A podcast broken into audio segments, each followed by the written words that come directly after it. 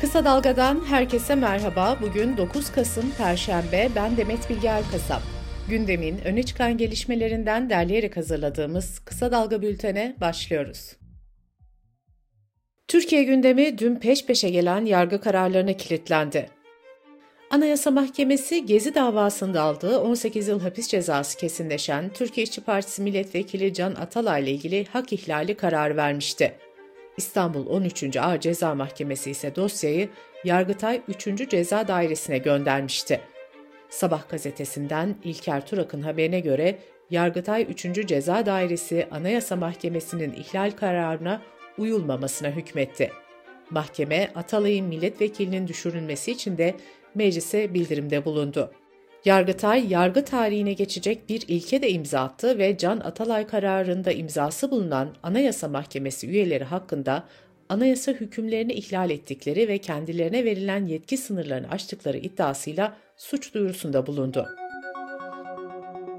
Anayasa Mahkemesi gazetecilerin tutuklanmasına, gözaltına alınmasına ve soruşturulmasına gerekçe gösterilen halkı yanıltıcı bilgiyi alenen yayma suçunun iptali talebini oy çokluğuyla reddetti. Bir yıldan üç yıla kadar hapis cezası öngören bu madde dezenformasyon yasası olarak adlandırılan düzenlemeyle Türk Ceza Kanunu'na eklenmişti. Bu madde gerekçe gösterilerek son olarak gazeteci Tolga Şardan tutuklanmış, daha sonra tahliye edilmişti. Yüksek Mahkemenin kararına gazeteciler, basın meslek örgütleri ve siyasetçiler tepki gösterdi.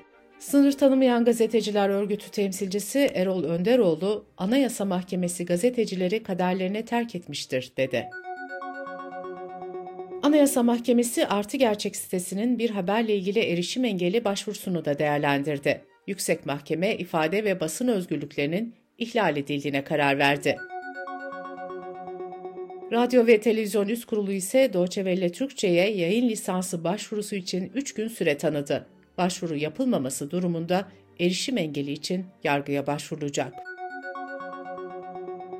Ana muhalefet partisi CHP'de devir teslim töreni vardı. 38. olan kurultayda 812 oy alarak CHP'nin yeni genel başkanı olan Özgür Özel, meclisteki makam odasında mazbatasını alarak resmen görevine başladı. CHP Genel Merkezi'ne Özgür Özel ve Kemal Kılıçdaroğlu'nun yer aldığı dev bir pankart asıldı. Özgür Özel imzalı pankartta Kılıçdaroğlu'na teşekkür edildi. Kemal Kılıçdaroğlu da törenden önce genel merkezde personele veda etti. İyi Parti'nin grup toplantısında konuşan Meral Akşener, CHP'nin kurultayına dair açıklamalar yaptı ve ittifak kapılarını bir kez daha kapattı. Kurultay konuşmasında sırtımda hançerlerle seçime girdim diyen Kemal Kılıçdaroğlu'na yanıt veren Akşener, ben hiç kimsenin arkasından hançer vurmam dedi.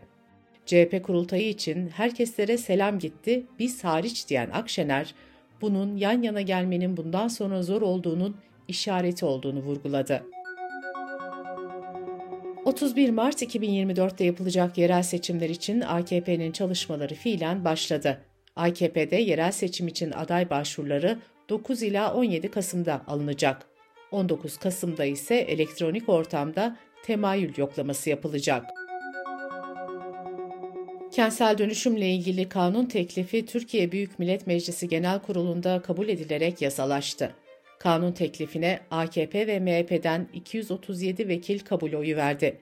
82 muhalefet vekili ise ret oyu kullandı. 281 milletvekili ise oylamaya katılmadı. Bunların 195'i muhalefet partilerindendi. Yeni yasaya göre kentsel dönüşüm kararı için 3'te 2 çoğunluk zorunluluğu kaldırılıyor. Karar hak sahiplerinin salt çoğunluğuyla alınacak. Kanuna göre riskli yapıların yıktırılması için maliklere 90 günden fazla olmamak üzere süre verilecek. Tahliye engellenirse polis devreye girecek.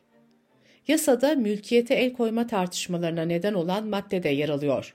Düzenleme ile yerleşim yerlerinde yer alan parsellerin de rezerv yapı alanı olarak belirlenebilmesinin yolu açılıyor.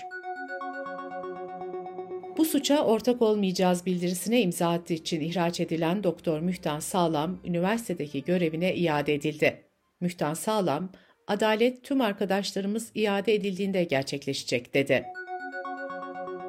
Hatay 3. İdare Mahkemesi Antakya'ya bağlı Dikmece köyünde tarım arazileriyle zeytinliklere yapılmak istenen TOKİ konutları projesi için yürütmeyi durdurma kararı verdi. 6 Şubat depremlerinin ardından Hatay'ın Dikmece köyünün bir kısmındaki tarım ve zeytinlik arazileri için acele kamulaştırma kararı alınmıştı. Dikmece halkı da bu karara karşı hukuk mücadelesi başlatmıştı. İçişleri Bakanı Ali Yerlikaya 10 ayda organize suç örgütlerine yönelik 370 operasyon yapıldığını ve 5411 şüphelinin gözaltına alındığını açıkladı. Bakanın açıklamasına göre 1800 kişi de tutuklandı. Bu sürede 197.354 uyuşturucu operasyonu gerçekleştirildi. 23.973 kişi hakkında da tutuklama kararı verildi. Dilan ve Engin Polat çiftinin tutuklanmasının ardından Türkiye sosyal medya fenomenlerinin kazançlarını ve kara para aklama iddialarını konuşuyor. Türkiye'de 170 bin kadar sosyal medya fenomeni bulunuyor. Welle Türkçe'den Pelin Ünker'in araştırmasına göre fenomenler 1 milyon 900 bin liraya kadar olan kazançlar için gelir vergisi ödemiyor. Pelin Ünker'e konuşan vergi uzmanı Nedim Türkmen bazı sosyal medya yayıncıları hakkında vergi incelemelerinin olduğunu, 30-40 bin kişinin incelemesinin de devam ettiğini belirtti. Öte yandan örgüt kurma, kara para aklama gibi suçlardan tutuklanan Polat çiftine yönelik soruşturmada yasa dışı bahis iddialarının da araştırıldığı ortaya çıktı. Marmara Denizi'nde önceki akşam 4.1 büyüklüğünde deprem meydana geldi. Profesör Doktor Naci Görür bu depremin beklenen Marmara depreminin öncüsü olmadığını, farklı bir kolda meydana geldiğini açıkladı. Antalya'nın Korkuteli ilçesinde de dün 4.4 büyüklüğünde deprem kaydedildi. Kısa Dalga Bülten'de sırada ekonomi haberleri var.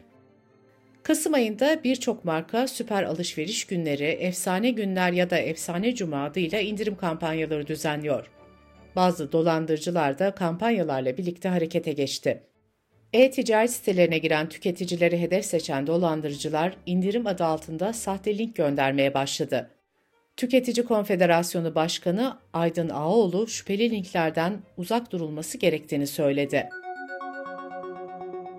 Türkiye İstatistik Kurumu Ekim ayında en yüksek reel getiriyi sağlayan finansal yatırım aracının külçe altın olduğunu açıkladı.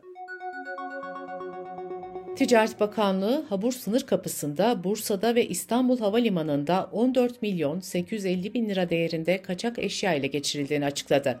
Ele geçirilen ürünler arasında cep telefonu, dronlar ve kahve makinesi de bulunuyor.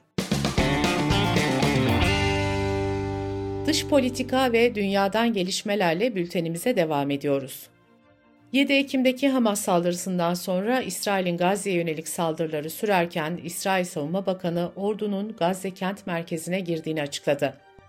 Bu açıklamadan sonra da İsrail Başbakanı Netanyahu savaşın ardından Gazze'nin güvenlik kontrolünün kendilerinde olacağını söyledi.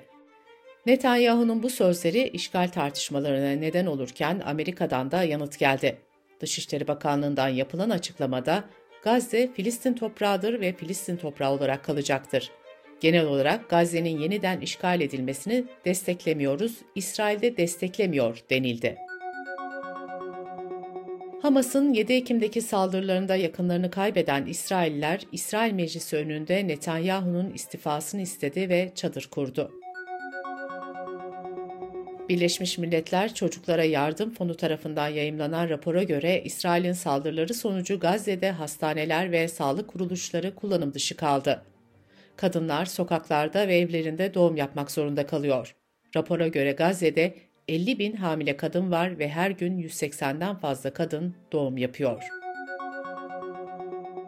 Birleşmiş Milletler İnsan Hakları Raportörü ise Gazze'yi siviller için yaşanmaz hale getirmenin savaş suçu olduğunu söyledi. ABD, Fransa, Almanya, İtalya, Japonya, İngiltere ve Kanada'nın oluşturduğu G7 ülkelerin dışişleri bakanları Tokyo'da bir araya geldi. Yapılan açıklamada ateşkes çağrısı yapılmadı ancak çatışmalara insani ara verilmesinin desteklendiği belirtildi. Amerika'da kongrenin tek Filistin üyesi olan Raşide Talip, İsrail'in Gazze'deki saldırılarına tepki gösterdi. Cumhuriyetçilerin çoğunluğunu oluşturduğu Temsilciler Meclisi ise talebi kınadı. İngiltere'de de ana muhalefet İşçi Partisi vekili Ümran Hüseyin ateşkes çağrısı yaparak çalışanlar için yeni anlaşmadan sorumlu Gölge Bakanlık görevinden istifa etti. NATO, Rusya'nın çekilmesinin ardından kısaltması akka olan Avrupa Konvansiyonel Silahlı Kuvvetler Anlaşması'nı askıya aldı. Soğuk Savaş dönemini sona erdiren temel anlaşmalardan biri olan akka, 1990 yılında aralarında Türkiye'nin de olduğu 16 NATO üyesi ve 6 Varşova Paktı üyesi arasında imzalanmıştı. Avrupa Birliği Komisyonu, Ukrayna ve Moldova ile Avrupa Birliği üyelik müzakerelerine başlanması tavsiyesinde bulundu. Komisyon, Gürcistan'a da adaylık statüsü verilmesini tavsiye etti. Portekiz polisi yolsuzluk soruşturması kapsamında Başbakan Antonio Costa'nın konutu ile bakanlık binalarına baskınlar yaptı. Portekiz medyasında yer alan haberlere göre soruşturma, lityum madeninin ruhsat sürecinde ve yeşil hidrojen üretimi planlarında rüşvet suçlamalarını içeriyor. Baskınların ardından Başbakan Costa istifa etti. Güney Asya ülkesi Bangladeş'te tekstil işçilerinin grevi ve eylemleri devam ediyor. İşçiler asgari ücrete zam yapılmasını talep ediyor. Hükümetten gelen son teklif işçilerin talebinin çok altında kaldı. İşçiler sokaklara çıkarken polisin müdahalesinde bir kişi yaşamını yitirdi. Avrupa Birliği'nin finanse ettiği Kopernik İklim Değişikliği Servisi 2023'ün kayıtlara geçen en sıcak yıl olabileceğini açıkladı. Rapora göre Ocak ayından bu yana küresel ortalama sıcaklıklar 1800'lerin sonlarında kaydedilen değerlerden 1.43 santigrat derece daha yüksek çıktı. Bültenimizi kısa dalgadan bir öneriyle bitiriyoruz. Kısa Dalga muhabiri Esra Tokat'ın Jeoloji Mühendisleri Odası Başkanı Hüseyin Alan'la yaptığı söyleşiyi kısa dalga.net adresimizden ve podcast platformlarından dinleyebilirsiniz.